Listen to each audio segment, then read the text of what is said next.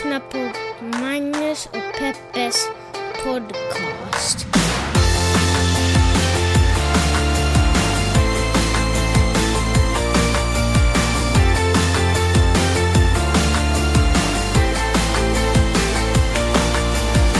Hallå internet, what up? Hoppas ni har det bra där ute och verkligt välkomna ska ni säga. Nej men gud, ska ni känna er?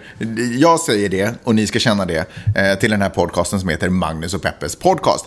Eh, en podcast där vi pratar om stora och små händelser i världen eh, och så gör vi det ur ett journalistiskt, eh, feministiskt och mediegranskande perspektiv. Eh, med mig i studion idag, Jeanette Marie Öhman, journalist. Hjärtligt välkommen, hur står det till? Tack Magnus, ja det är bra. Hur är läget i, i Kalifornien, i Santa Monica? Hörde det är bra, lite kyligare än Mm. igår, men uh, solen skiner, delfinerna skvätter omkring där Ja, i du har ju inte sett delfiner på länge, Nej, det har jag faktiskt inte gjort. Oroar det dig? Nej, det gör det faktiskt inte. De dyker nog upp. Mm. Ja, dyker upp. Ha! Kul. Och men det är bra, tackar som frågar. Ja, bra. Härligt. Nu trodde ni kanske att vi var på olika platser, men vi sitter de facto rakt mitt emot varandra. Så jag vet ju exakt vad Peppe pratar om. Solen skiner, Santa Monica levererar som vanligt, så ni behöver inte alls vara oroliga för det. Eh, undrar hur det är i Norden? Det har inte jag hört så mycket om. Jag har förstått att sommaren, eller vintern där är- ter sig underligt. Jag har hört att det blommar i kunst, Mm. Kungsträdgården till exempel i Stockholm. Eh, och det är ju inte tidstypiskt, om vi säger så. Nej, det är alldeles för tidigt. Ja. Eh, men lite samma vibe här också. Vissa träd tappar löv typ fortfarande. Och andra träd har knoppar. Men vet typ du så. Magnus, jag tänker att här på det här stället så blommar ju folk, inte folk, men också folk i och för sig, Ja. men eh, blommar och liksom växer, växer året om. Det finns liksom flera stycken. Här växer, växer år om. Men herregud vad svårt det är att säga. Nej, men du sa rätt. Jag menar Det det finns liksom vinterblommor och sommarblommor. fattar, jag fattar. Mm. Så att det är inte som i, i Norden där allt dör och Nej. sen eh, återuppstår Nej, det. så är det. Så att jag ska inte dra i alarmklockorna här menar du? Nej. Nej. Hur, eh, det var ju ett tag sedan eh, vi hördes. Jag menar, du och jag ser ju varandra varje dag. Mm. Men du som lyssnar och vi hördes, vad, preppe, preppe. vad skulle du beskriva? vad har det varit för det, alltså hur läget? Vad har vi missat? Alltså, det är ju En quick update, du vet, sen när man inte har hört av en kompis på i, länge. eh, i mitt liv liksom. Ja, men jag har intervjuat folk för Dagens Industri, det har varit väldigt roligt. Intervjuat folk för Dagens Industri. Ja, men jag intervjuade bland annat uh, Cleo Kinnaman som är Joel Kinnamans exfru. Mm. De är gifta fortfarande men separerade och han har en ny flickvän och så vidare. Och, eh, Vi undrar ju det att ha en ny flickvän när man fortfarande är gift. men det går tydligen bra för dem. Vem, eh, alltså, vad ska de säga? Det här är skit. Kan Nej, du men- publicera det här i Dagens Industri? Nej, men tydligen så liksom reser de på semester tillsammans. Är det sant? Alla tre. Och, Eller så är en stalker och två reser på semester. Men är man världens sämsta stalker? Om man, Ja, men- om man liksom är en av gänget. Men, Det men hon kan- kanske tänker att hon reser på semester med dem och de bara, oh, come on. Vet du, jag tror att det var hon som gjorde slut faktiskt. Jaha. Och, eh, för att han träffade en ännu yngre, ännu... Vänta, hon gjorde slut för att han träffade en ännu yngre? Nej, nej, nej, nej, hon gjorde slut och sen träffade han en ännu yngre. Fan, alltså det är någonting, jag har ju verkligen aldrig träffat Joel Kinnaman, men på något sätt män som är i 40, han fyllde 40 nu, Mm. och som har 23-åriga flickvänner, alltså min pappa, Mm. när han fyllde 40. Det är kanske är därifrån det kommer. Men det finns någonting som, nu vill jag inte vara en, den som är den, för det Ska finns, du börja könsdiskriminera nu? nej, jag menar bara att det är så fantasilöst.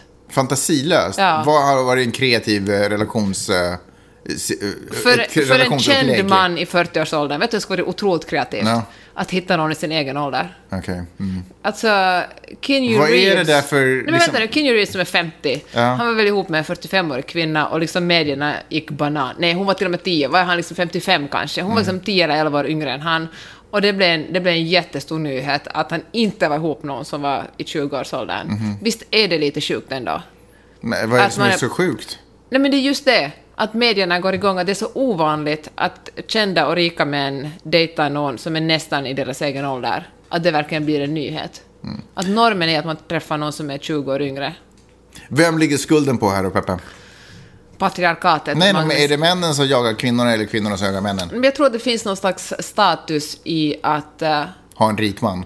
ha en yngre kvinna, tror jag. Mm. Fan vet jag, alltså jag vet inte, det är bara fantasilöst. Det är tråkigt tycker jag att det ska vara så. Ah, Jag vet inte. Nej men det handlar ju grund... Alla, alla relationsformer finns ju. Jag vet inte vad fantasilöst. Vi ingen är nyskapande i någonting den gör. Visst måste det finnas någon som är nyskapande. Nej. Ja, det finns ju ändå normer. Det finns män som är ihop med äldre kvinnor och kvinnor som är ihop med äldre män. Ja, det finns män som är ihop med jämnåriga och kvinnor som är ihop med jämnåriga. Men så finns det ju också normer som säger att, att så här gör de allra flesta. Så det är som att kvinnor Alltså män ska helst vara ihop med kvinnor som är kortare än dem. Det är ju också... Men i alla fall, okej, tillbaka till ditt liv. Du har skrivit två artiklar för eh, Dagens Industri. Du har fått rida en hel del. Jag har ridit en del, sprungit en del. Jag nästan... Känner du att det händer mycket i ditt liv? Nej, ja, både ja och nej. Januari var en ganska tyst månad. Ja. Och då fick jag den vanliga paniken att nu är det slut på mitt äh, egenföretagar och frilansarliv. Nu händer det ingenting alls. Var du slut med det? Vad menar du? Nej, men jag tänkte så att nu kommer ingen någonsin mer att anlita mig. Varför då? För att januari var så tyst. Liksom, Ja, ja, eller de ja, två okej, första veckorna ja, i januari hände liksom ingenting och jag var åh, vad ska jag fakturera nu då? Ja. Men eh, nu har det dragit igång igen, så nu har jag, fick jag ett um, svagt ja på ett bokkontrakt. Ett svagt ja. Nej men ett sånt här, gud vad intressant, Ja. skicka struktur och kapitelindelning. Okej. Det är ju ändå kul. Ja, verkligen. Och uh, nu fick jag alldeles precis innan vi började spela den här podden ett uh, intresse, liksom ett produktionsbolag som tyckte att den idé jag kom med för en TV-serie var jätteintressant. Okej. Det var också väldigt kul. Mm. Och eh, ja, men eh, det känns som det plötsligt är det en massa grejer på gång igen. Okej, vad bra. Och jag älskar, alltså, det, Men är inte januari, ska man, man ska väl inte lägga, fästa sig så mycket vid januari? Januari är en Nej. icke-månad. och jag försöker, alltså det är mycket bättre nu än för några år sedan. Alltså, förr kunde jag verkligen få panik när det inte hände någonting. Nu har jag liksom, vet jag, trots att det inte känns så, så har jag ändå så grundtrygghet. Jag vet, det, som du säger, det dyker ju alltid, januari, januari, det kommer alltid att dyka upp någonting. Mm. Måste bara på något sätt vada igenom stillheten och Mm. sen börjar det ploppa upp grejer. För det, så kan jag verkligen starkt känna. Jag tycker att det händer mer i december. Därför att folk är så här, shit, det är sista chansen nu på det här året. Ja. Att avsluta mina, jag vet inte, mina löften, eller vad det nu kan vara, mina tankar och idéer. Eh, så att luften går lite ur eh, i och med att december tar slut. Och sen så i januari orkar ingen riktigt göra någonting. Folk är övermätta, folk känner sig bara tjocka och det är inget kul. Man vill bara liksom komma igång med livet. Och feb- sen, sen typ så här, februari har man börjat, då har man orkat komma då har man börjat veva igång hela sitt liv. Så i februari, februari tycker jag liksom allting normaliseras. Intressant att säga det, i Friday Lab var det någon som sa att året börjar egentligen i februari. Ja. Det första februari, då kickar det igång, då Ja. börjar det hända grejer. Januari är verkligen någon slags dvala efter Nej, men januari är julen. liksom så här, man håller på att förbereda för att året ska starta. Januari går man och köper sina gymkort. Liksom. Ja, men man, börjar, Mm. man börjar preppa och fixa så att februari kan bli en bra start. Du kan ändå liksom inte riktigt preppa för att januari ska bli en bra start. Därför att du har precis... Gjort av med alla pengar Nej, men december har bara krävt så mycket av en. Det har varit så jäkla mycket stojande, härjande och släkt och alla som drar bara energi ur sig. Man behöver liksom januari för att bara... Så man ska inte ha ångest om det inte händer någonting i januari. Det är en icke-månad och det är liksom 11 månader att kompensera för den lilla ekonomiska förlusten man möjligen... Fast man inte skulle få någon krona. Så har man sen 11 månader på sig att bara kompensera och det kan ändå bli ett magiskt år. Ja, det kommer det att bli. Jag tror nästan, eh, jag, alltså, gasa hårt i januari. Då vet jag inte riktigt, eh, för den kraftansträngningen tror jag är alldeles för stor för att man ska kunna orka rida ut resten av året. Så det är okej att liksom ta det lite lugnt. Ja, men jag tycker det. Jag tycker verkligen det. Ehm, ja, men bra. Och det har ju hänt naturligtvis supermycket i världen. Och nu har vi redan pratat i nästan tio minuter. Ska vi bara dyka ner i Vi skiten? Vi kör. Var vill du börja, Peppe? Jag tänkte jag skulle börja med Kobe Bryant. Kobe Bryant, okej. Som, Du eh, har ju, kan vi bara säga med att du gjorde en liten rapportering för Sveriges rad, för- förlåt, Sveriges Televisionsmorgon. eh, nyhets... Morgon kanske? Nej, det Nej, men det är ju inte. TV4. Men herregud. Ja, men whatever. Liksom morgonnyheterna, morgonprogrammet. Morgonstudion. Bra, okej. Ja. Så du gjorde en rapportering där. Ja, Hur kändes det? Det kändes... eh, Det var både kul, men jag var, det var inte mitt bästa Känner du dig malplacé? Ja. Alltså, Varför då? För att jag vet verkligen ingenting om basket. Varför tackar du ja till det uppdraget då? Du vet, på instinkt. Någon Ja, ringer och frågar, ja, då säger man ja. ja. Och så tänkte jag också, för det är ju lite kul att vara med i morgon-tv Ja, också. det är det ju. Det är det ju förstås. Det fattar ju vem som helst. Men, eh, men vanligtvis brukar de också skicka ett litet manus där Mm. de säger att ungefär det här är vi intresserade av att veta, vi kommer antagligen att fråga dig det här. Just det. Men nu kraschade han med helikoptern, några timmar snabbt. senare ringde de och några timmar efter det skulle jag vara i studio, så det Ja. fanns ingen manus.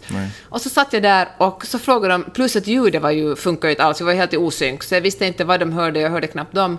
Men så frågade de mig till exempel så här att, men hur, hur sörjer Los Angeles efter Kobe Bryant? Och vad ser man på något sånt? Mm. Ingen aning. Alltså, hur, vad, vad, är, vad är det för svar, liksom? Eller vad är det för fråga?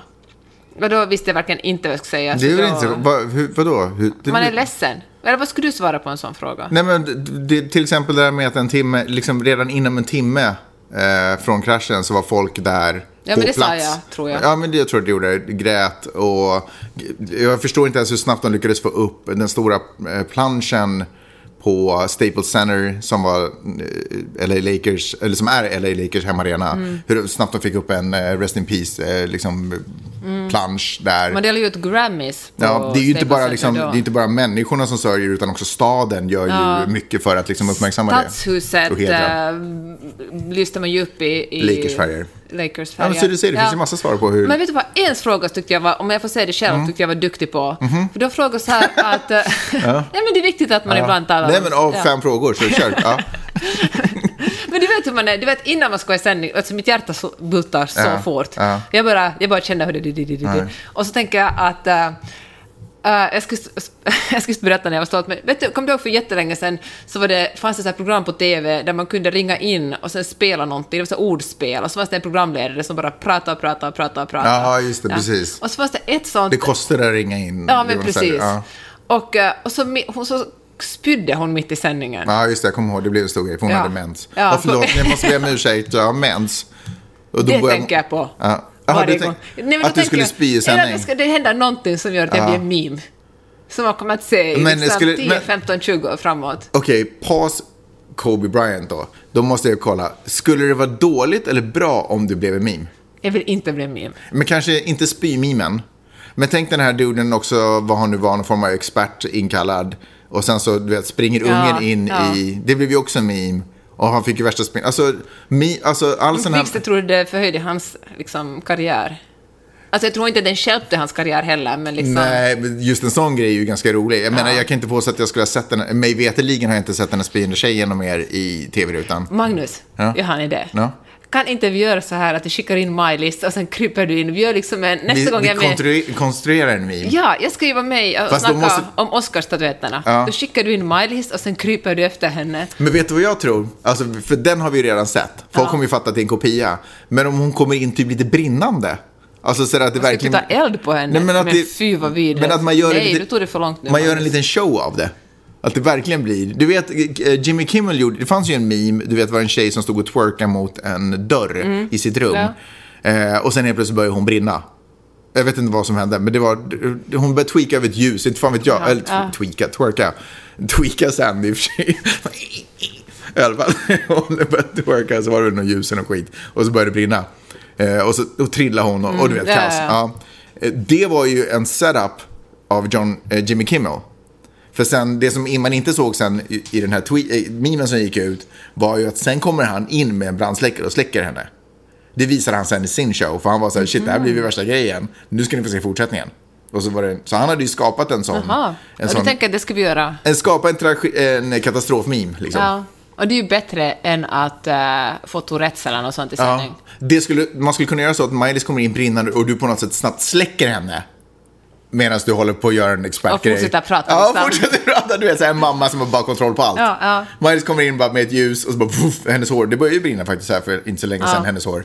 Så bara puff, släcker det och bara fortsätter. Ja, men Kobe Bryant, bla, bla, bla, bla. Så. Ja. Ja, Okej, skitsamma. Tillbaka till... Gud vad... Alltså vilken nonsensprat i Men nu fyra kommer, nu minuter. kommer, nu kommer saklighet. Okej, men Mm. då frågar de så här att varför är idrottsstjärnor så stora i USA? Och då, alltså, och då, kommer, då sa den här analysen, oh, gud, vad, herregud, vem är vänta, jag? vänta, vänta, vänta, vänta. Okej, det här, okej. Hör, lyssna alla nu. Nu kommer analysen. För höra. att citera mig själv. Nej, men det här kommer faktiskt... Nu kommer jag att rädda mig själv för att jag kommer att spinna vidare på en annan grej på det här. Men jag tänker så här, idrottsstjärnor blir så stora i USA för det är nästan det enda sättet att leva the American dream. För att man, i USA har, finns det ju en sån här... USA, hela samhället grundar sig på att vem som helst kan bli vad som helst. Men det har vi talat om tusen gånger på det. Men, men det stämmer ju inte eftersom för, du måste ha pengar för att kunna bli vad som helst. Du, det finns liksom några enstaka exempel som Oprah, som verkligen har gått den, kommit från ingenting och blivit allt. Men 99,99 procent av eh, alla människor liksom lever och dör i samma kvarter eller samma samhällsklass.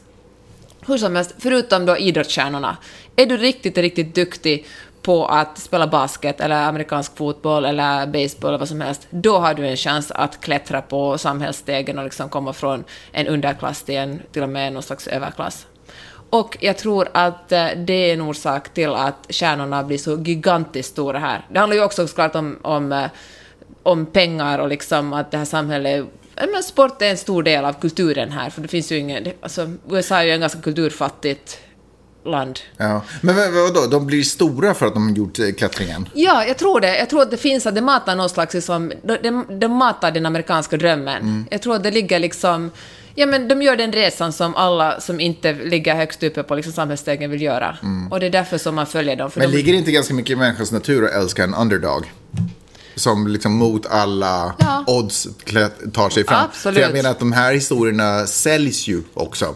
Så här, pitch, så här säljs ju karaktärerna in. Men jag skulle inte påstå att deras resa, alltså deras uppmärksamhet börjar vid den berättelsen. Utan det börjar ju med att de har gjort supermånga poäng i några matcher ja, ja, men sen berättas Och historien om den sen och så historien som... uppfyll, sen upphöjs Men jag menar inte heller att det... Men jag tänker också det, att det finns att det är mer en subtil liksom, tanke kring det. Inte att folk analyserar sig själva. Ah, jag älskar den här idrottsstjärnan så mycket för att han har gjort en klassresa. Mm. Utan jag tror att det finns liksom att det... Jag menar att, att bara... Att det är någonting som, som man kanske mer omedvetet reagerar på. Att det är därför som, som de blir så hyllade. Mm.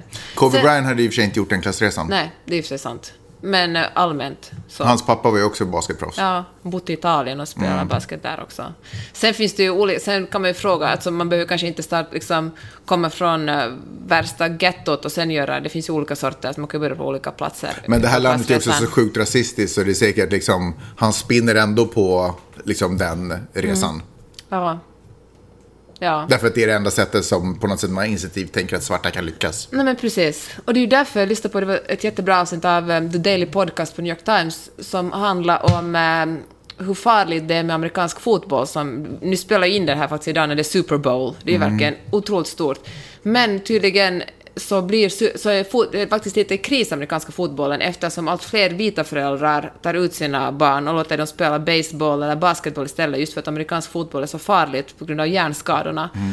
Och eh, det här avsnittet av The Daily handlar om hur eh, man kanske förr trodde att det, stor, det farliga var att man får en ordentlig smäll mot hjärnan, liksom, eller några ordentliga smällar, får två, tre stycken hjärnskakningar och det påverkar en.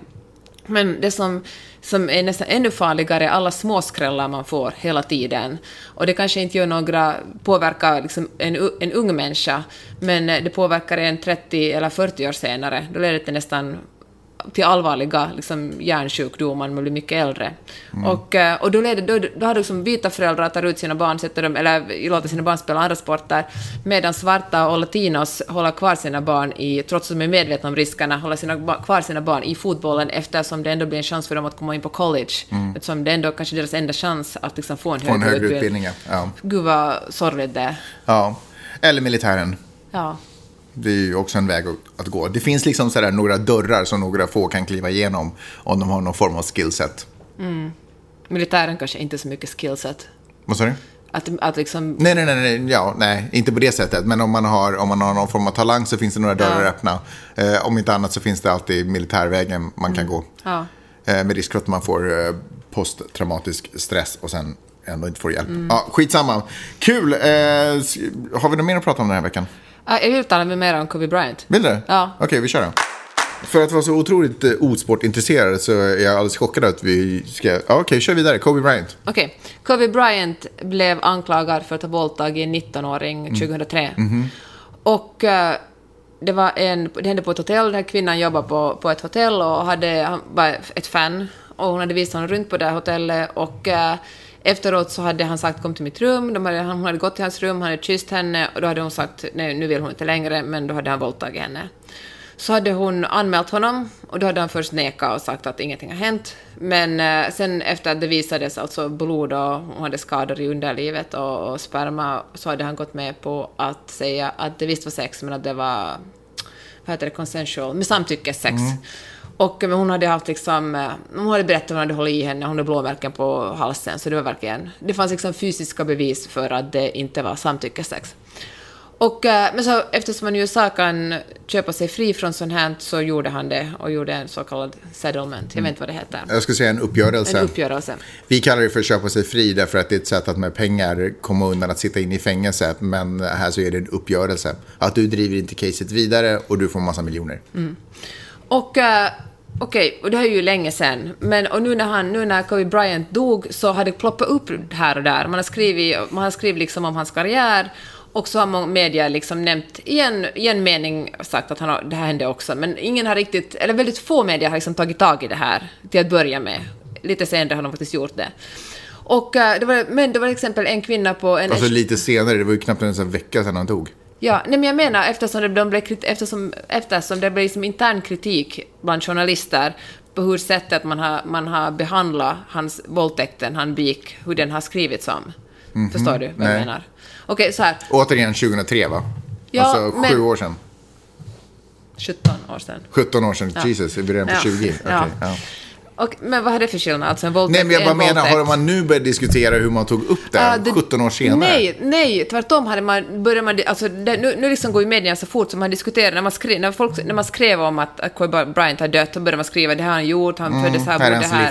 livsverk, liksom. Så då nämnde man, då nämnde man här våldtäkten då, med liksom en mening och gick snabbt över vidare. Mm. Liksom, för det är lite obehagligt, alltså det är liksom obehagligt att ta i. För att, att, han har, att en sån här en person som nyligen har dött, som gjorde så många, som var så otroligt duktig, så lojal sitt lag, som var liksom Los Angeles, att man också har gjort någonting sånt här. Så jag tror att många journalister inte riktigt visste hur de skulle hantera det här. Och det var bland annat en journalist på Washington Post som, eh, som hon retweetade egentligen bara en text från 2016 som handlade om den här våldtäkten. Och då fick hon så otroligt, hon- fick otroligt mycket hat och liksom dödshot att eh, hon var tvungen att till exempel ta in på hotell, hon vågade inte sova ensam, så hon gick på ett hotell. Och så sökte hon om hjälp av sina chefer på Washington Post, sa, sa helt enkelt att jag liksom, det här läget är orimligt, jag är liksom rädd för mitt eget liv, att någon ska skada mig på grund av den här tweeten. Och, eh, men istället för att ställa sig bakom henne så valde ledningen att stänga av henne. Visserligen med lön och visserligen för bara en dag, men att de, de bestraffade henne för att hon hade skrivit så här. De tyckte att det satte hela tidningen i en dålig dager för att hon liksom uppmärksammade folk om att, att vad den här personen gjort. Och uh, då var det såklart, då en, hela, eh, de flesta journalister ställde sig bakom henne som en kollega och sa att vad, det här borde ju vara landet för yttrandefrihet. Liksom. Det är klart att man ska kunna tala om den här saken också, men man kan ha två stycken, man kan vara både en hjälte som har, som har, som, Kobe Bryant var ju en hjälte för många, han var ju, vann fem bästa, mästerskap för Lakers, var 20 år med, liksom, spelade för samma lag i 20 år. Och han var, han var liksom LA. Men, eh, men, men det betyder inte att han var en genom god människa. Ingen liksom, få människor är bara det ena och det andra, att man måste kunna tala om skuggsidorna också i hans liv.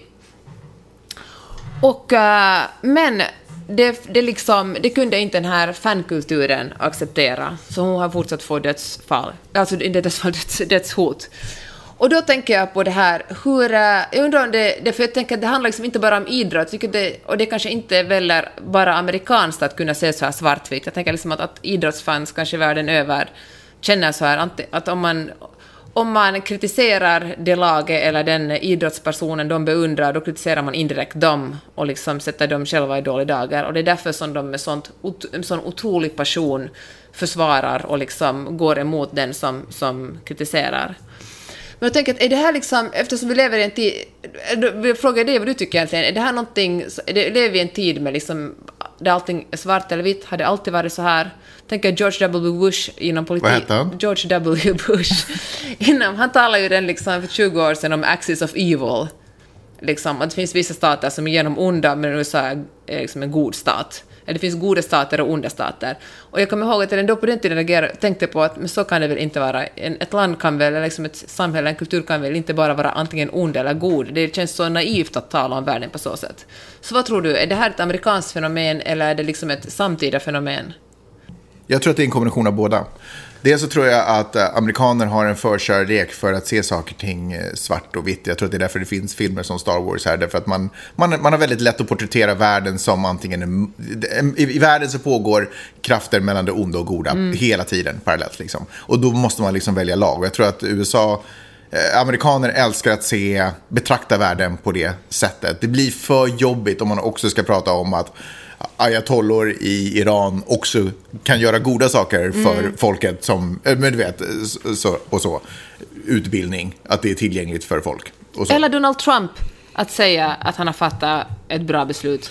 Att han har fattat ett bra beslut och att han har fattat ett dåligt beslut under samma tidsperiod. Och att, och att det bra är verkligen dramatiskt bra och det, och det dåliga är verkligen dramatiskt dåligt. Jag tror att det, det är svårt för amerikaner att eh, göra så. Jag tror också att vi lever i en tid, jag tror inte att det här bara egentligen är amerikaner, jag tror att det här också har smittat av sig på, jag tror att USA på ganska, på ganska många sätt har uppfostrat stora delar av västvärlden i, i det här tankesättet Det tror jag också. verkligen. Så det, vi, också i Sverige så hör man, så, så tyck, eller hör man eh, och, och tycker att eh, det är enklare att se världen på att de är dumma och, och jag är på det, Man är ju alltid själv på det goda laget. Det är ju väldigt få, annat än krim, öppet kriminella, som kan vara så här att jag, jag I'm a bad guy.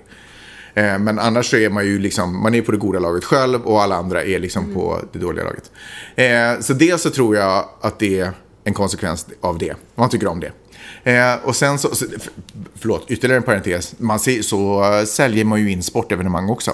Att det är liksom det mot det. Där kan man i och för sig stå på olika lag, men man lyfter upp liksom, eh, det är den här personen, du vet underdog-resan, att det, är liksom, det finns en person som har gått igenom en transformation och nu befinner sig i det här skedet mot den här personen som alltid har gjort på det här sättet, bla bla. Du vet att man vill ha, man ställer saker Hjälten, antagonisten. Ja, men man ställer hela tiden saker mot varandra. Och man har gjort eh, sin, sin syn på världen har man gjort som om det vore ett sportevenemang. Ett lag måste vinna. Och du vill vara på det vinnande laget. Eh, det i kombination med att eh, möjligheten att ge feedback är vid mina fingerspetsar. Att jag liksom kan... Jag har också uppfostrats under flera år i tron, eller i vetskapen om att jag kan på nätet, på sociala medier, så kan jag skriva vad som helst och det kommer aldrig få konsekvenser för mig. Jag skulle ju aldrig kunna säga sådana här saker rakt emot. Jag skulle ju aldrig kunna mordhota en random människa på, gatan. gatan eh, utan att det skulle få direkta konsekvenser. Det skulle ju ingen våga göra. Men vi har ju flera år visat att vi kan göra det på nätet utan att det egentligen får konsekvenser. De fall där någon skulle ha blivit arresterad eller tagen för trakasserier på nätet, det är så pass få. Så att det är liksom, jag vet inte, det är bara inte speciellt troligt. Det är inte en, en riskfaktor egentligen. Eh, Och de här två kombinationerna är ju inte så, det är inte, liksom inte lyckosamt. Och det som också tycker jag blir ganska läskigt är att i och med att vi då på något sätt lär oss själva det här nya beteendet så börjar det nu också spilla över i verkligheten. Det är som att vi börjar forma verkligheten från det här nya sättet när det inte var så från början. Förstår du vad jag menar? Så nu börjar vi ju faktiskt också Det bete som normaliseras på sociala medier. börjar spilla över Ja. i verkliga världen. De här gränserna börjar liksom bli lite, de börjar bli suddiga nu. Mm. Så nu börjar ju folk bli mer verbala på ett ganska otrevligt sätt i verkligheten. Är det så? Och, och människor börjar bli rädda. Mm. Liksom att det liksom, ja. Och det tycker jag är ju naturligtvis eh, superläskigt. Så, eh, som svar på din fråga. ehm, ja, det är, lätta, det är lättare att hata. Men jag tycker att där måste man verkligen hålla ett öga på sig själv, för det är, det är lättare att, kanske inte också att hata, men att, eller att ide- idealise, idealisera också. Att alla människor, och att man kan få idealisera, man kan tycka att Kobe Bryant var en otrolig basketspelare och kan vara en idol, men att, inom basket, men att man ändå är medveten om att han har gjort någonting otroligt vidrigt. Alltså det är...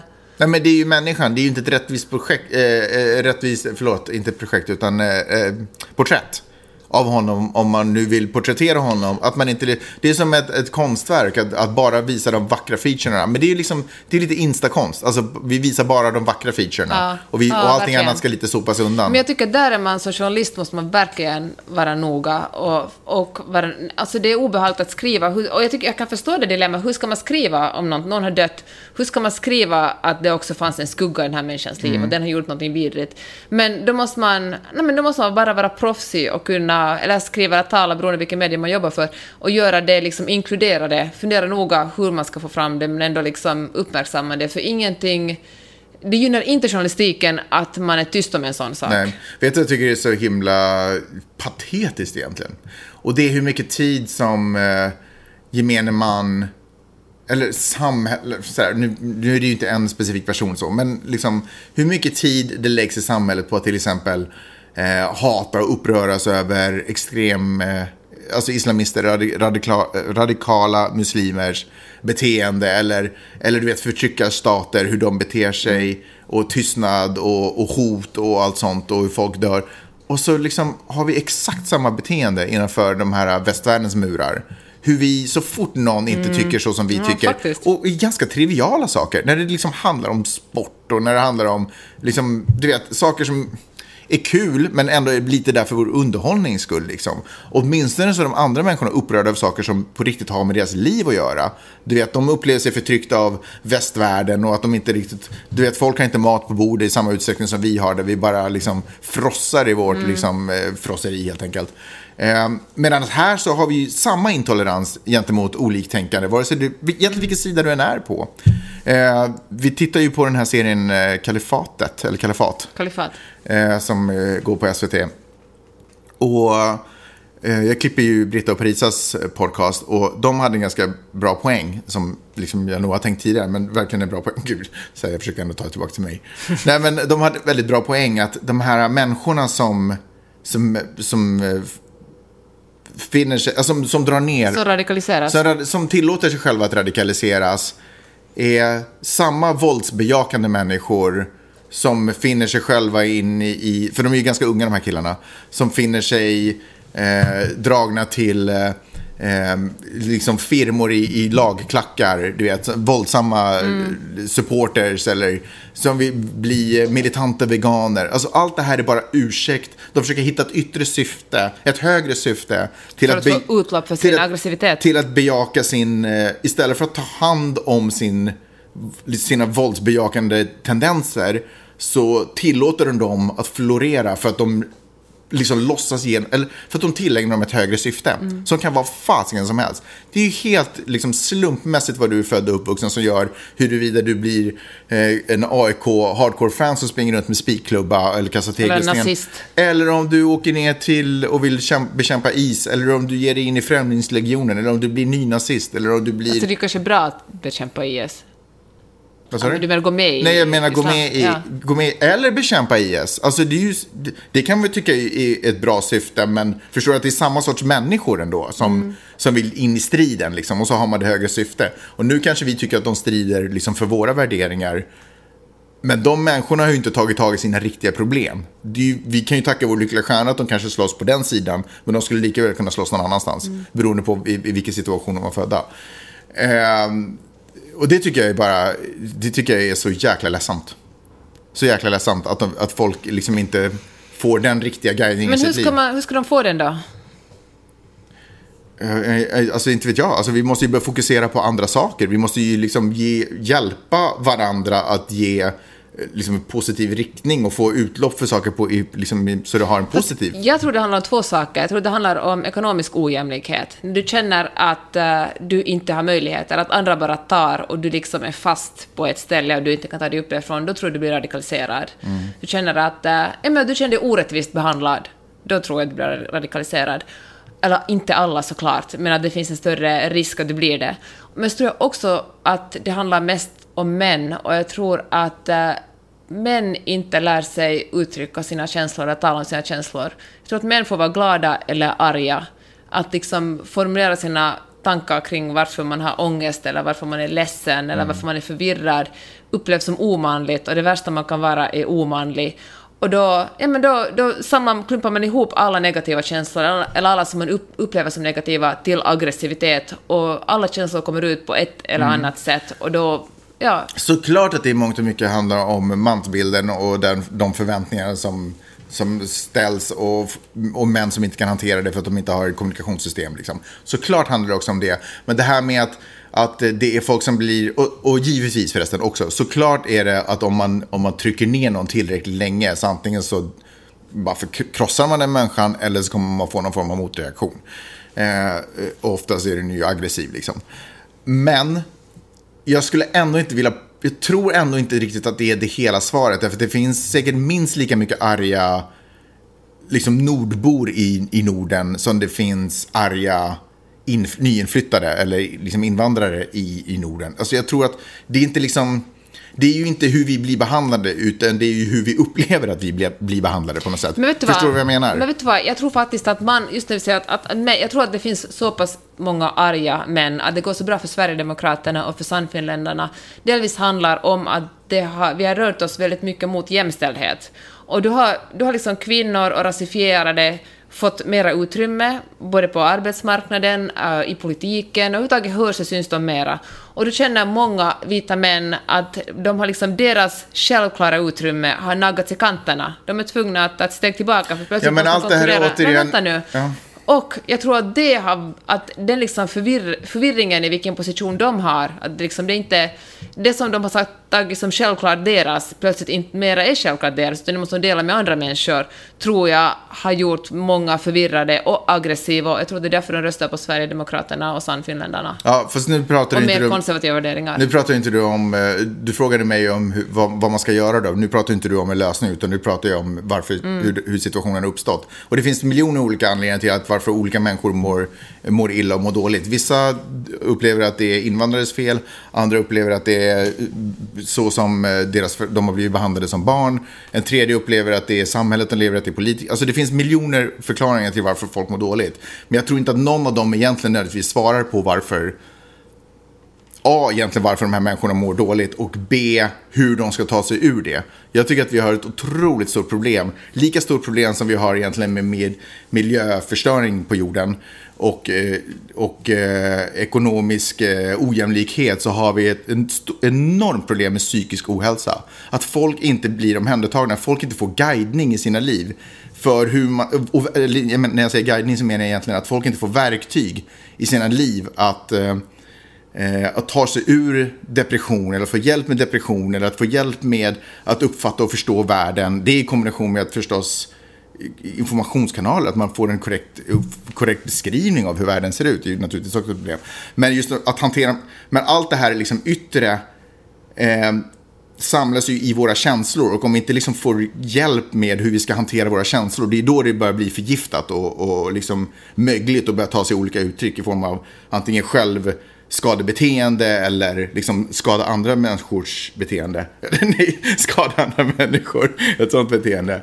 Så alltså, om det fanns någon politiker just nu som bara skulle, som bara upp, skulle uppmuntra liksom storsatsning på psykiatrin och liksom människans på riktiga välmående, den riktiga folkhälsan, så tror jag att vi skulle se ett helt annat samhällsklimat. Jag menar, våldet kanske inte har ökat, men det är ju garanterat grövre att nu när alltså det är liksom avrättningar som sker på, ljusa dagen är ju liksom inte ett det är ju inte ett förtryckarbeteende, det är ju ett psykisk ohälsa. Alltså det är ju en människa som, som är störd som gör något sånt. Som förmår sig själv att skada människa på ett annat sätt. Och den människan kan ha varit störd av något annat krig som har pågått tidigare i dess liv. Eller så är den människan störd av någon andra, andra händelser. Eller så upplever den människan bara nödd att göra det. Men det är ju fortfarande ett stört beteende.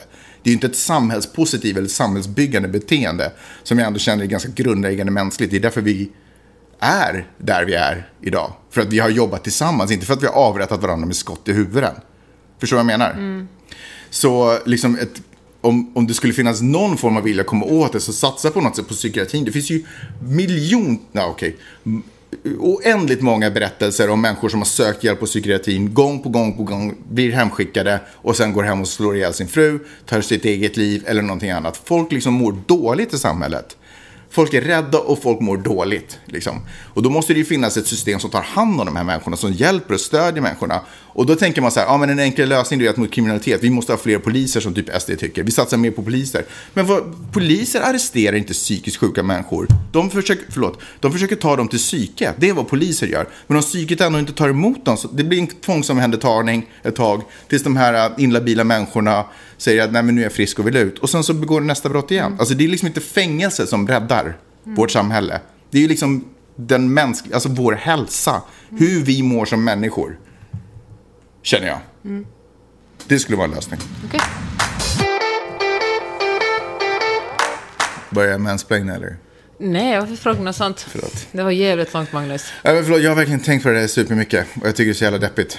Men alltså det skulle vi kunna tala om hur länge som helst. Tänker på det som du sa, att eh, söka hjälp. Det är otroligt viktigt att det avstigmatiseras att söka hjälp. Men jag tror faktiskt också en stor del handlar om att eh, känna sig inkluderad.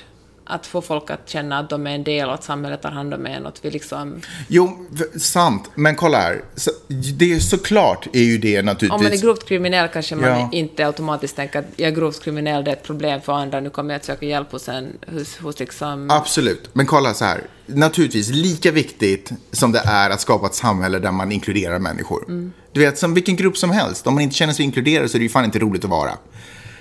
Lika viktigt är det naturligtvis att jag också lär mig att hantera motgångar och det faktum att Ja. jag kanske inte alltid är inkluderad. Och det, det är ju förstås att vi inte ska ha ett samhälle som bygger på det. Då ska ju, alltså det är ju, det är ju, konst, det är ju fel. Det, är ju liksom, det känns som en motsatsförhållande till samhälle.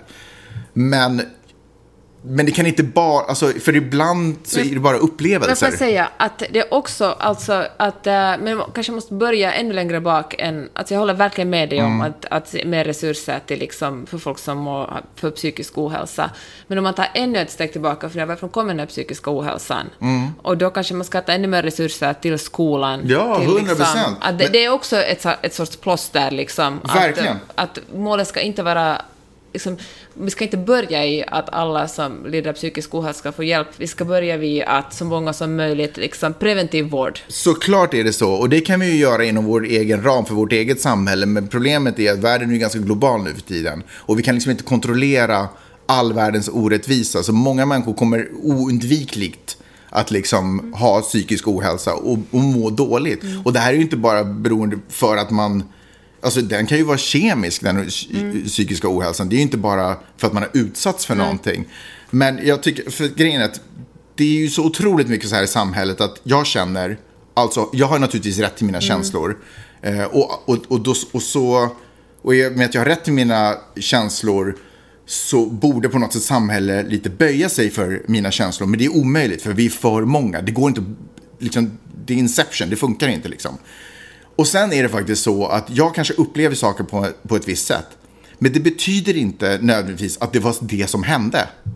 Förstår du? Mina upplevelser kan vara en feltolkning av såklart. vad som på riktigt har skett. Och då är det ju otroligt viktigt att man inte bara låser sig i sina egna känslor och fastnar i sin egen upplevelse av situationen. För då är man ju liksom, då är man ju inkompatibel med samhället. är inte sina känslor. Man är inte specifikt sin, nej, verkligen inte. Och man kan ändra sina egna känslor. Man kan ändra också sin egen uppfattning. Mm. Om man får hjälp och stöd att vidga vyn. För det är otroligt lätt att fastna i sin egen bild av ett, Mm. någonting som har skett. Jag menar, det kan ju, så enkelt som att två polare, jag känner att, nej men gud, de eh, behandlar mig superilla. Och så har jag bara missförstått situationen. Men jag, då behöver man ju hjälp att nå till den insikten och det krävs ju verktyg. Ja. Okej, nu talar vi om något annat. Okej. Okej, jag skulle vilja tala om coronaviruset. Oh, Okej, det här ölviruset som... Är du, du är inte så stressad för det? Nej, jag är inte så stressad för det. Jag tänker så här, det finns eh, en orsak till att WHO verkligen gick ut och sa att det här är ett problem. Mm. Och i Sverige har man ju klassat det som ett eh, samhällsfarligt problem också.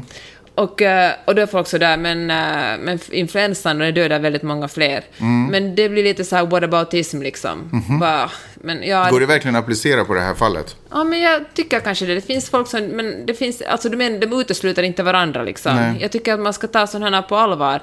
Det här är ju liksom ett, ett virus som, som sprider sig otroligt mycket snabbare än sars, till exempel. Hur som helst. Det, jag behöver inte ta liksom, jag är inte så medicinskt insatt och liksom, så jag, jag kan inte säga så mycket om det. Men det som jag tycker är intressant är hur eh, Kina, som ändå är en stad där det inte existerar yttrandefrihet, hur de mörkade sars. Det tog som, folk skulle, dog och för Där var sars, var det 10 år sedan? 20? eh, 17 år sedan tror jag det också. Ja. Ungefär Kobe Bryants våldtäktstider. Snyggt. Och eh, hur de, eh, man först efteråt förstod att Kina försökte liksom tysta ner det här. Mm. Och hur ö- mycket öppnare Kina har varit, blivit sedan dess. Men ändå... Mm. Alltså en, typ en halv generation senare. Ja, men eh, hur... Är det dåligt eller bra? Nej, eller jag bara menar att det, det låter som... Okej, fortsätt. Ja. Men ändå hur osäker man är, hur sars liksom skadade ens förtroende gentemot Kina.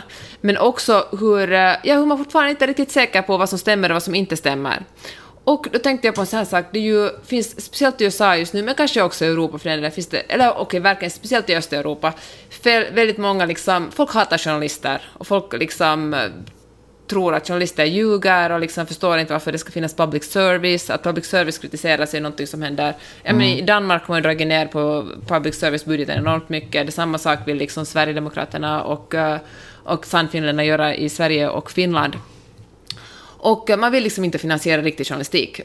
Men, då tänker jag, tänker, då, då, skickar, då finns det journalister som åker till de här krisdrabbade områdena i Kina och kommer tillbaka och rapporterar, så här är det. Tala med folk där, gå tala med folk på gatan, tala med folk som har förlorat närstående, som kan berätta, så här gick det till. Nu liksom hade New York Times skickat en journalist till, uh, vad heter det stället? Wuhan? Wu, ja, jag vet inte. Wu-Tang har jag gjort i mitt huvud, men det var inte så. Nej. Nej, men typ. Mm. Och, eh, och talade då med en man som hade förlorat sin mamma, kärnfrisk 65-åring, som det hade gått ganska fort för innan hon dog av en lungsjukdom. Och då hade de här kinesiska myndigheterna vägrat att säga att det var coronaviruset, trots att det var väldigt, liksom alla symptom stämde. Och liksom, men eh, men de, de sa bara att hon dog av en lungsjukdom. Och, och då, började, då började man ju tvivla och tänka så att okej, okay, Kina har meddelat att så här många människor dött av coronaviruset, men om de inte rapporterar alla, om de inte diagnostiserar alla dödsfall som coronaviruset, finns det ju möjlighet att det är en enormt mycket större mängd människor som har dött av det. Mm -hmm. I alla fall, tillbaka till journalistiken. Då tänker jag på, herregud, så tänk att det finns människor som... Jag tänker, så otroligt viktigt det är med journalistik, väldigt praktiskt. Alltså tänk för, alltså till och med de som hatar journalister i USA, att de har någon som, att liksom, de måste till och med de fatta vilket enormt värde det är i att det finns person, opartiska medier som åker och berättar vad de ser, talar med människor, försöker kontakta myndigheter och rapporterar hem. Mm. Det är ju någonting som har, som, har en, som har en väldigt, väldigt konkret nytta i alla människors liv. Mm. Eh, utom just i det här fallet, känner jag. Jag tycker att här så hjälper inte journalistiken just nu. Det är naturligtvis otroligt viktigt att journalistiken granskar och berättar vad som händer omkring i världen. Men här är det nu ytterligare ett, liksom, ett alarmscenario som inte kommer påverka hemskt många människor i deras vardagliga liv. Men som vi ändå stressas upp att vara rädda för. Det här är ju liksom inte, det här kommer, alltså, jag menar, det är klart, jag, jag förväntar mig att myndigheter gör vad de kan för att liksom isolera. Jag tycker det är superbra att WHO, om de nu gör det, eh, har gjort det här till en eh, liksom, eh, varning, en liten röd flagga. Jag tycker det är jättebra att eh, svenska myndigheter går ut och säger vi rekommenderar inte att folk drar till eh, Kina just nu. Det är inte en bra plats. Men den övriga nyhetsrapporteringen om hur många som har dött, vart det är på väg, den kan inte jag riktigt se att den gör så stor nytta. Därför att, därför att vi har som människor, tror jag, svårt att få en prioriteringsorder på katastrofer. Alltså vi, nu är vi lika oroliga för det här som vi är för typ bombattentat, liksom parallellt. Och, att, att, eh, och andra eh, hemska saker som kan hända i, i våra liv till vardags. Och det är liksom inte riktigt troligt att du eller jag kommer få det här viruset. Det är bara liksom inte riktigt, det är inte så det, går, det, det, sprids inte riktigt på det sättet verkar det som. Och det är liksom, ja, förstår du vad jag menar? Men samtidigt så ska vi nu gå omkring och vara lite oroliga fast för det. Fast det vet man ju, det är ju det som är grejen. Att man, liksom, fast, är... fast, nu lever du, så du skulle föredra att leva i Kina där någon annan bestämmer vad du ska veta och inte veta? Nej, men det handlar inte om att veta och inte veta. Jag vill ju naturligtvis att myndigheter ska ha koll på vad som händer runt omkring i epidemier och sådana saker. Men jag har ju ingen nytta av att veta att det just nu pågår... Alltså, ja, för att jag har ett intresse av vad som händer på planeten jorden, ish. Men det faktum att det är en ebola-epidemi som också pågår i Afrika, som har pågått i decennier, Fast, har fortfarande inte nått mig. Fast grejen med det här är att det är ett helt nytt virus. Det är någonting helt men jag förstår. som man inte har koll men på Men ebola har ju inte heller men, ett, ett mot. Det om, spelar ingen roll om det är nytt eller gammalt. Det handlar väl om man kan räddas av det. Men tänk om det här är någonting som verkligen kommer att spridas jättesnabbt. Fast men, vänta, ja, tänk om, det stämmer. Tänk om det här muteras och blir ett fruktansvärt alien-liknande eh, virus som äter upp allihopa. Men kan vi ändå bara liksom med statistik eh, påvisa att det är inte 90% death rate på det här. De flesta överlever som drabbas av det här och verkligen i västvärlden. Eh, sen så vet jag inte vad som har hänt i Kina. Men de som har drabbats av, som har, som de två, fem, sex fallen i USA eh, utspritt över hela typ eh, kontinenten.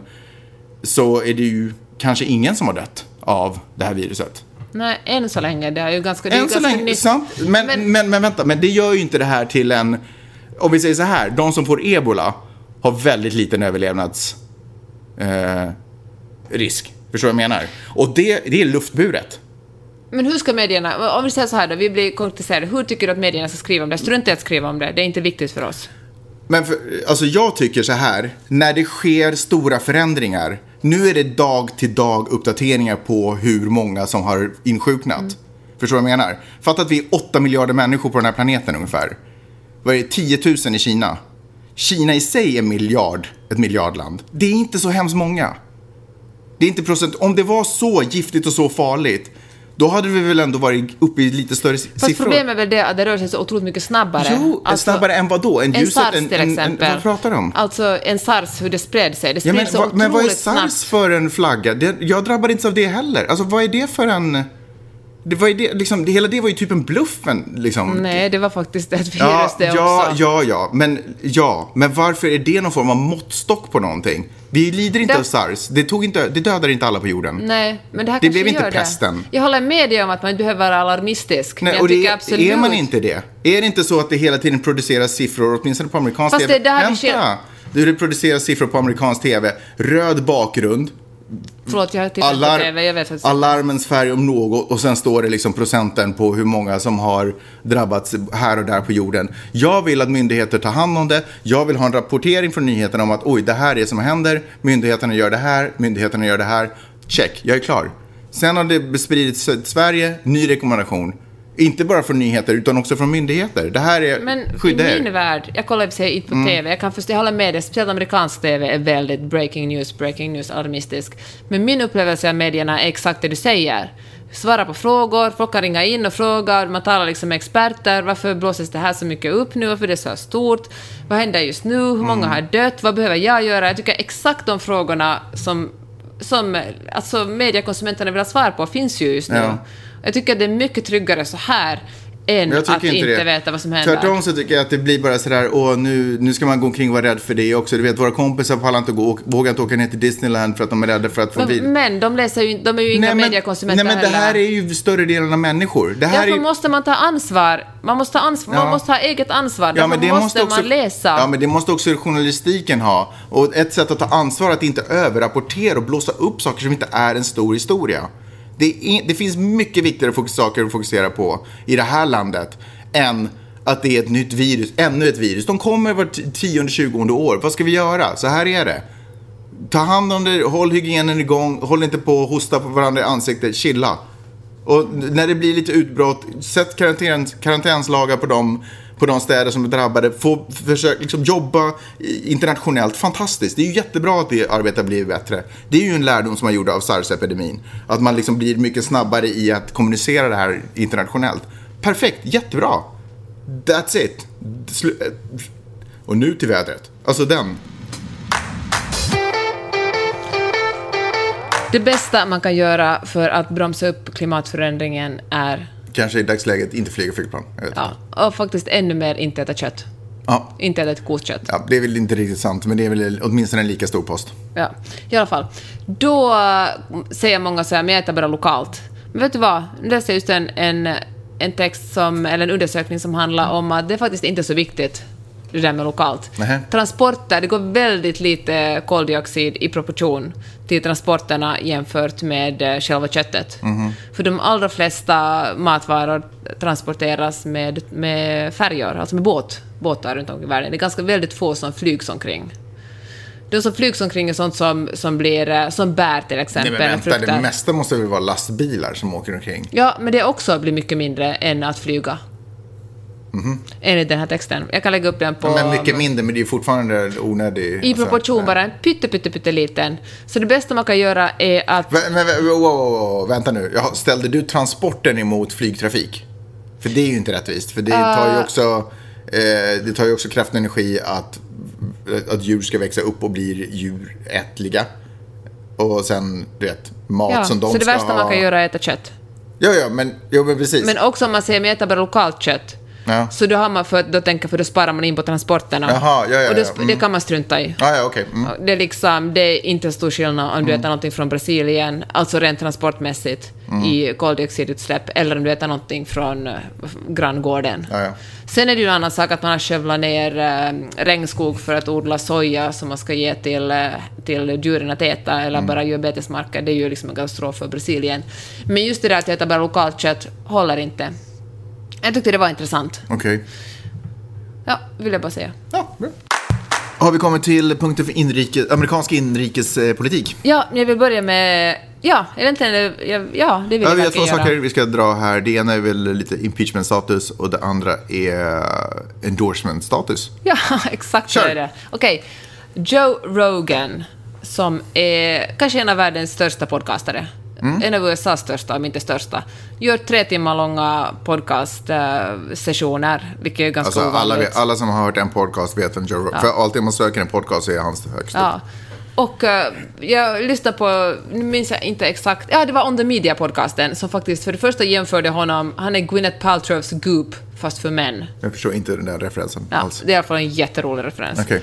Och han är antagligen så populär, analyserar de i den här podcasten, för att han inte ger sig ut för att vara journalist, utan när man lyssnar på honom är det bara som att lyssna på ett vanligt samtal mellan två jämlikar. Och för att eh, han ställer heller ganska sällan... Ja, men de som de- deltar i hans podcast är inte rädda för att få liksom bli ställda mot väggen. Trots att han ställer kvistiga frågor ibland och liksom ifrågasätter, så är det ändå mer av ett sånt soft samtal än att... eh, ja, men man känner sig inte... Men två, två dudes som bara hänger och snackar. Ja, och och så är är man inte alltid överens och så ibland är man Ja. överens. Så han blivit kritiserad för att vara homofobisk, för att vara transfobisk, för att ha en ganska, ja, men ganska gammaldags unken syn på kvinnor, som han alltid kallar ladies. Mm. Och eh, ja, men han har, han har liksom fått sin beskärda del av kritiken. För ett han- ögonblick så tänkte jag att transfobisk betyder att man var emot europeer. Att det var liksom transatlantisk fobisk på något sätt. Men det fattar jag ju. Så här, på din tid då tog man ju liksom den transatlantiska Den färgen. ja. Ja. Men, och han är väl också en, eh, en inkörsport Men på den för tiden många var män till first class var verkligen first class på den tiden också. Men herregud. Han är inkörsporten för väldigt många män till poddarnas värld. Ja. De känner sig trygga där. Jag tänker att han också... Kan man säga att han nu sa svar på Alex och Sigge? Ah, ja, ja, ja, det vill Fast du inte säga. innehållsmässigt, men som i egenskap av inkörsport för eh, Ja, män det- till poddvärlden. Ja, man kan verkligen samlas, känna gemenskap Mm. i att lyssna på, på honom. I alla fall, nu har han, han kallar sig själv vänster, liksom socialist. Mhm. Men han har många, men liksom så påminner han på många sätt ändå lite om en högerpopulist också. Och han har Mhm. ganska många, han är liksom inte främmande för att bjuda in liksom verkligt så här högerpopulister i sin podcast. Men han är väl USA-vänster, liksom. Ja men, ja, men precis. Men nu gick han ut och endorsa, alltså heja på Bernie Sanders i... Ja, Endorse betyder verkligen inte heja på. vad, vad skulle du säga då? Gud vad många engelska ord jag säger som jag inte vet vad de är på svenska. ja, nej, jag vet inte riktigt om det finns. Ja, men det måste väl finnas en svensk översättning, men ni vet ju alla. Stöder. Ja, Han stöder Ja. och uppmanar andra kanske också att stödja Bernie Sanders i presidentvalet. Ja. Och alltså först demokrat, att, att Bernie Sanders ska bli Demokraternas presidentkandidat. Mm. I, och, eh, och då blev han, eh, och då blev liksom folk sådär, först en del blev jätteglada, var så att med den publiken som Joe Rogan Mm. har är det ju är det ett enormt lyft för Bernie Sanders. Samtidigt som andra var så här, men herregud, nu har han förstört för Bernie Sanders eftersom han har sagt saker. Eftersom han är homofob och... Ja, men precis. Och, eh, och ärligt talat, jag har alltid tänkt mig... alltså, Jag har faktiskt bara lyssnat på ett avsnitt av, av eh, hans podcast och det är det med... Ett helt? Nej, men klipp från det. alltså jag, jag orkar verkligen inte lyssna på sånt snickersnackande. Men med Elon Musk, så, som, alltså Tesla bland annat grundaren. För det var så otroligt omsnackat för de rökte weed i, i sändningen. Och, eh, och för då, då var de sådär, det är ju lagligt i Kalifornien så det var liksom inget, men det blev ändå väldigt mycket, snackat väldigt mycket om det. Och, eh, och men då har jag alltid ställt mig lite skeptisk till Joe Rogan, också för att han har haft den här, den här idioten, uh, ursäkta nu men Jordan Peterson på sin, på, i, som gäst, massa, och eh, Alex Jones som är Infowars, den här verkliga extrema eh, konspirationspersonen som sa att Sandy Hook, det är en massa lågstadiebarn blev ihjälskjutna, aldrig Ja, hände. ja. Ja. Och, eh, men då tänkte jag att... att eh, och, och, och min första reaktion var när han, när han eh, stödde Bernie Sanders var också sådär att men herregud, är det här verkligen bra för Bernies image, liksom att ha en sån här person? Men nu har jag börjat... Nu har jag faktiskt börjat ändra mig. Och kanske lite tack vare Kobe Bryant. För jag tänker så här att det går, ingen människa är... Alltså, ingen människa är perfekt. Alltså, jag säger inte att jag är ett fan av uh, Joe Rogan, men om, om det är bara människor som är liksom helt rena som får stödja en presidentkandidat, då fan blir det ingenting. Då är det, fan, det, kommer att vara, det kommer att vara jävligt svårt för Demokraterna att vinna över Donald Trump om, uh, om Demokraterna är så liksom stränga mot varandra, om liksom nålsögat man måste passera för att ens kunna, kunna liksom stödja en kandidat är så otroligt litet. Mm. Så nu har jag kommit till slutsatsen att äh, ja, kommer fortfarande inte att lyssna på Joe Rogan, men fan vad bra ändå att han kanske fick sina, sina anhängare och lyssnare, sina fans, att, att rösta. Mm. Nej men alltså det här med att människor, eh, alltså människor kan ju förändras. Och jag kan förstås se att det är ju intressant om en politiker tenderar att hela tiden ändra åsikt. Då bör man ju undra, men vad har du ens liksom, om du ska bli president och inom fyra år, kommer du ha ändrat åsikt inom fyra år? Mm. Röstar jag på, liksom, kommer jag få samma person som jag röstar på? Men eh, nu är ju inte Joe Rogan politiker. Eh, han är ju en människa som har ett jobb och tycker om att snacka, snickesnacka. Sen tror jag faktiskt att han ibland säger saker för att få med sig fler. Alltså, Säkert. Alltså, dudarna är... där ute vill höra lite transfobi och kvinnohat. Nej men verkligen, alltså han har ju inget intresse av att göra världen, han, sådär som vi kanske någon gång har pratat, eller bara du och jag sinsemellan, att sådär, han gör ju intervjuer för sin skull. Mm. Alltså, han är ju ingen journalist, han är ju inte ja, där från public nej, service. Jag menar, sen så tror jag att han, och nu har han säkert märkt att det är kul när folk lyssnar och också kan få ut någonting av det. Och han kan ta upp liksom, viktiga ämnen, ish, eller vad fan som helst. Liksom. Men det hela började ju inte som att fan, jag är on a mission att göra världen till en bättre plats och det här är mitt bidrag. Och det här publiken kan jag använda till det. Eh, utan han har ju snackat med de här människorna, provocerande människor, icke-provocerande människor för att få uppmärksamhet kring sin egen mm. person. Jag kan inte se det på något annat sätt. Det finns ju svenska motsvarigheter till det också. Det är inte liksom ett konstigt grepp för någon som inte är journalist. Det är fan vad kändisar gör, liksom, uppmärksamhet kring sin egen person. Men just det här med att döma folk för vad de har sagt och inte... Får jag bara säga, mm. då är det jätteviktigt att man som lyssnare också är medveten om att det här inte är en journalistisk intervju. Ja. Det här är någonting som görs i eget intresse. Det är precis samma sak som, eh, vad heter han den där eh, svenska som kallar sig samtalsextremist, Navid Modiri. Mm. Han gör ju det bara i eget intresse. Alltså han är ingen journalist, han gör det för att bli känd. Samma sak Joakim Lamotte som är så här Swish-journalist. Han gör det inte i, han gör det inte för journalistiska intressen, Nej. han gör det för att tjäna pengar. Jag skulle precis säga det, att journalister som sådana är ju yrkeskår som inte heller är liksom skyddade mot sånt här. Alltså det finns ju journalister som också bara jobbar för sin egen person. Men sen är det också det att du vet, man kan också göra två saker samtidigt. Mm. Man kan jobba för sin egen person och man kan också göra gott. Man kan vara en person som har dåliga åsikter eller liksom inte speciellt, eller i mitt tycke bra åsikter i, i, i viss ämneskategori och en annan ämneskategori, du vet, spjutspets i vettigt tänk ungefär. Eh, och och liksom det här, de här två parallella eh, motpolerna kan liksom samexistera hela tiden. Sen är det bara frågan vad, vad, vad väger tyngre och vad väger liksom, vad, vad är allvarligare? Och ibland så måste man dumpa en person goda sidor för någonting den har gjort på för mm, dåliga sidor. Precis, exakt så. Vi, vi, pratar ju om det till exempel i, när det kommer till konstnärskap, att kan man skilja på verk och person. Och ibland kan man göra det tror jag, beroende på så att Exakt, säga, brottets... från fall till fall. Ja, beroende lite på, liksom inom situationstecken, brottets karaktär. Men ibland kan man inte göra det, för att ibland så... Nej, det där är för stor del av en människas personlighet. Mm. Om en människa är, är liksom kapabel att göra något sånt, mm. då får dens konstverk fasiken ge mig gulddrömmar, men det kommer inte liksom vara acceptabelt ändå. Mm. Den personen kan inte jag supporta.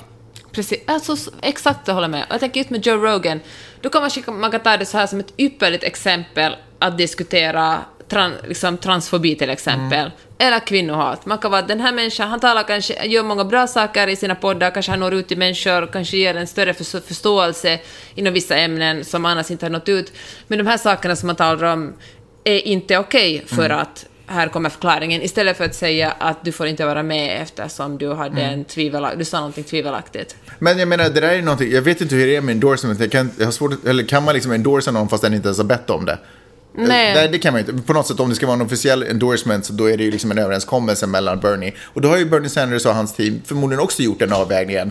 Väger fördelar upp emot nackdelar liksom bla bla bla. Ja, men det vet jag inte. Det måste man väl kunna säga, att jag väljer att rösta på den här. Fast det är ju jättekonstigt. Då kan ju en nynazist bara så här börja plötsligt endorsa Bernie bara för att Ja. kanske sänka hans Men det var sådär, så nu kommer jag inte ihåg vilka väskor, var det liksom Chanel som skickade en, eh, en, eh, en av sina väskor, en av Guccis väskor till, vad hette den där Jersey Shore, din favorit? Men det är väl eh, för fan säkert inte en politisk endorsement. Nej, men det är väl, nej, men lyssna nu, det är samma sak. Nej. För då blir det märket trashigt.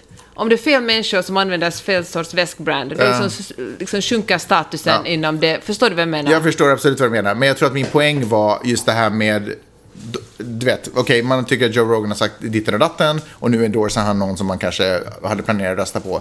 Då får man ju, precis som någon säger, att vissa blir upprörda, men gud, den här människan har ju gjort det här, ska den verkligen vara endors? Då är det ju liksom en, en, en bedömningsfråga den personen måste göra, som tycker det här. Måste jag nu börja se på saker och ting på ett annorlunda sätt? Är det någonting jag måste svälja här? Är det någonting som bara är för stort för mig att jag inte kan komma över och därför måste lämna Burn? Eller inte fan vet jag, men förstår du vad jag menar? Att allt det här är- blir ju inte en fråga om vad som är rätt och fel i samhället eller i världen. Det är ju en fråga om vad som är rätt och fel för mig som människa.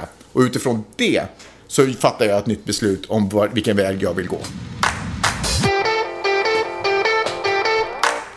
Ja, lite kort om impeachment. Det har väl inte hänt så jävla mycket. Eller det som egentligen har hänt är att all, all utfrågning från båda sidor är avklarad. Alltså, Donald Trump är ju impeached. Det betyder inte att han måste avgå eller att han är dömd för något brott eller någonting. Det betyder bara att the house, huset, eh, har eh, sagt att han är impeached.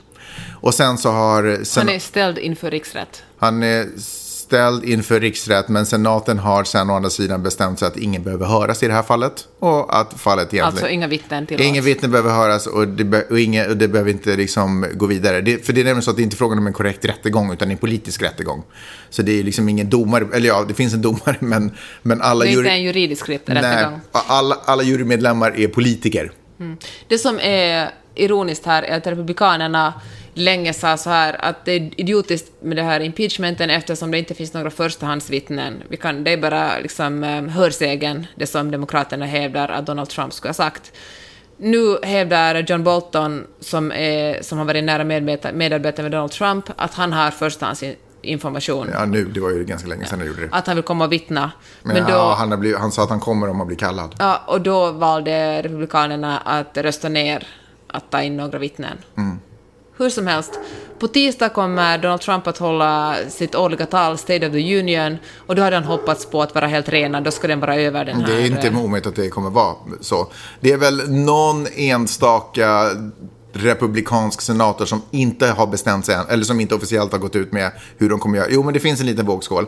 Det finns en minimal chans att det kommer bli oavgjort. Men det betyder ändå att fallet kommer läggas ner, för då kommer det upp till domaren att fatta det sista beslutet och han kommer inte lägga sig i. Så då kommer det ändå läggas ner. Så att så troligtvis på grund just av det så kommer Republikanerna inte att gå emot sitt eget parti för att det blir oavgjort och då ser de bara dåliga ut för att det ändå kommer läggas ner. Anywho's. Eh, Demokraternas presidentkandidat Young, jag kommer inte ihåg vad han heter i förnamn, som är en sån här businessman. Andrew. Andrew, lite underdog kan man väl ändå säga i förhållande till de fyra, fem största.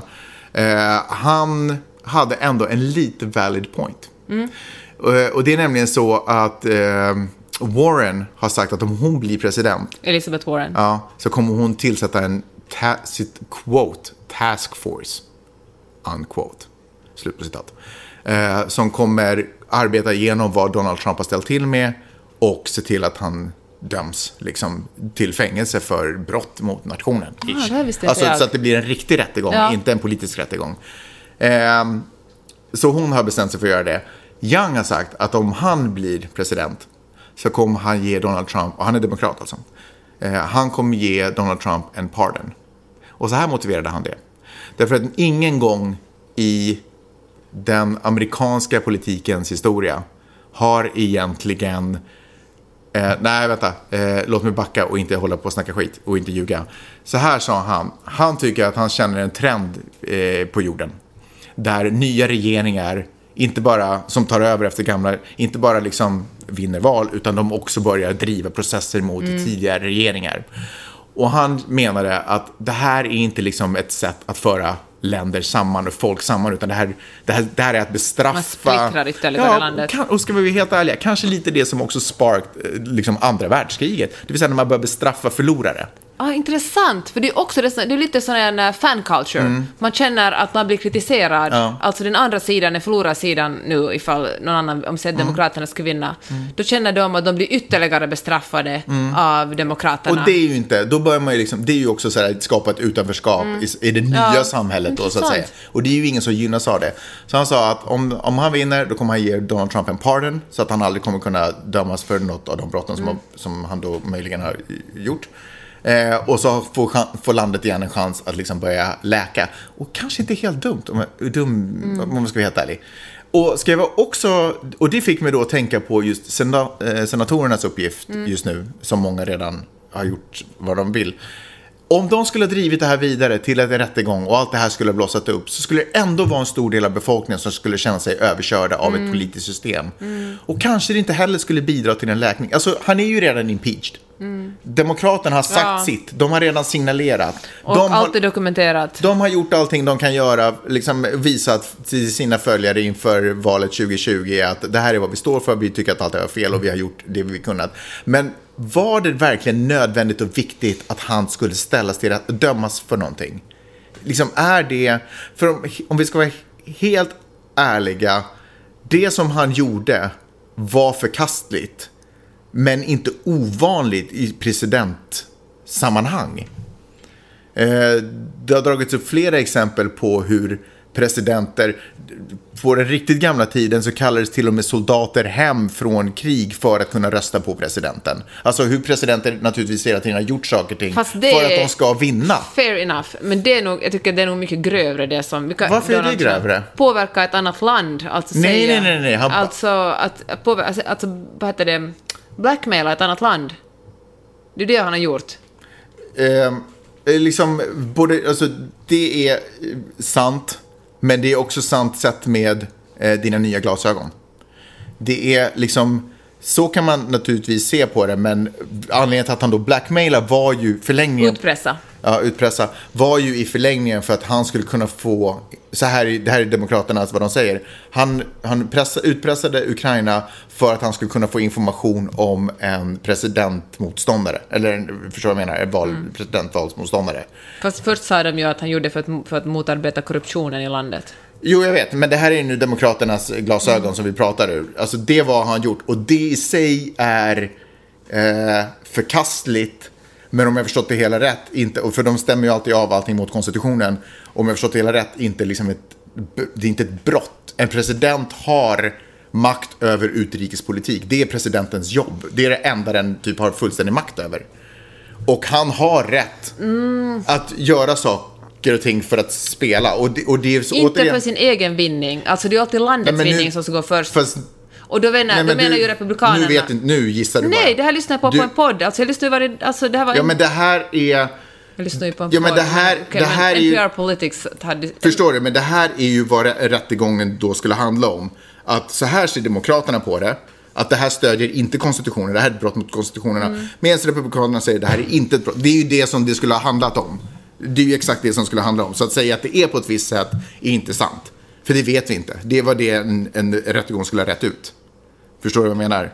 Så idag är vi ju i läget där vi inte får reda på hur det egentligen förhåller sig. Till, förhåller sig.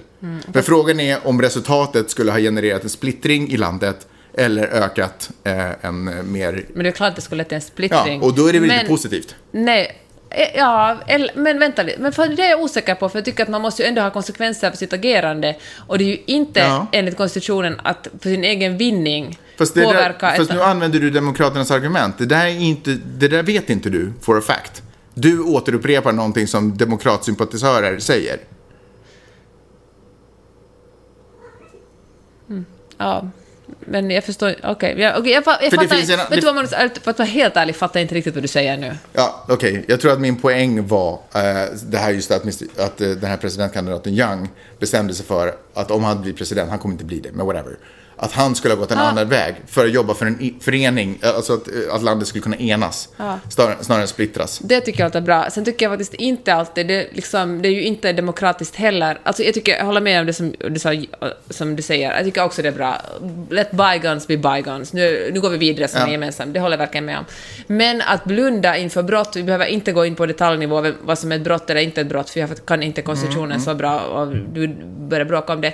Men att säga att nu blundar vi för det här brottet, för det dåligt för eh, för det är dåligt, för då kommer landet att splittras ytterligare. Det tycker jag inte är ett hållbart argument eftersom man ändå måste, man måste ju leva i ett land där man litar på rättsväsendet. Man kan Jo. inte säga att han begår ett brott, men det är värre för landet om han blir Precis. dömd. Men det här är, är återigen liksom- ett politiskt brott, det är inte, liksom ett, det är inte ett kriminalfall. Fast det, kan ju, det var ju det som Young talade om också, att efteråt kan det ju bli ett kriminalfall. Efteråt Donald det Trump inte längre Mm. är president, Ja, det då blir det ju liksom ett, då blir det ett brott. Eftersom man...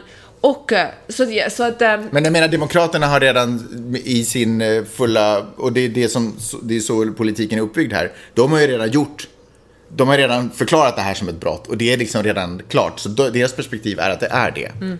Och det är ju därför han är impeached. Men sen så kommer han aldrig dömas för det. Nej. Och det är det som är skillnaden. Men jag tror att och en orsak till att Demokraterna också gjorde det var för att dokumentera det här. Ja. För att om de inte Ja, gjorde det skulle de ha gjort politiskt Sant. fel. Absolut. Att bara blunda och säga att vi kommer ännu inte att vinna den här Mm. eftersom vi bara är intresserade av vad som kommer att hända. Det handlar ju inte om landets bästa då, utan landets bästa handlar ju om att rätt ska vara rätt och fel ska vara fel. Och Mm. Sant. att, eh, också när, när de drog igång hela den här processen så visste de ju att senaten är, är liksom... eh, Republikanerna dominerar senaten, det kommer aldrig att gå igenom senaten det här, men eftersom vi lever i ett, i ett, liksom ett, ett demokratiskt land med ett rättsväsende är vi tvungna att köra igång den här processen.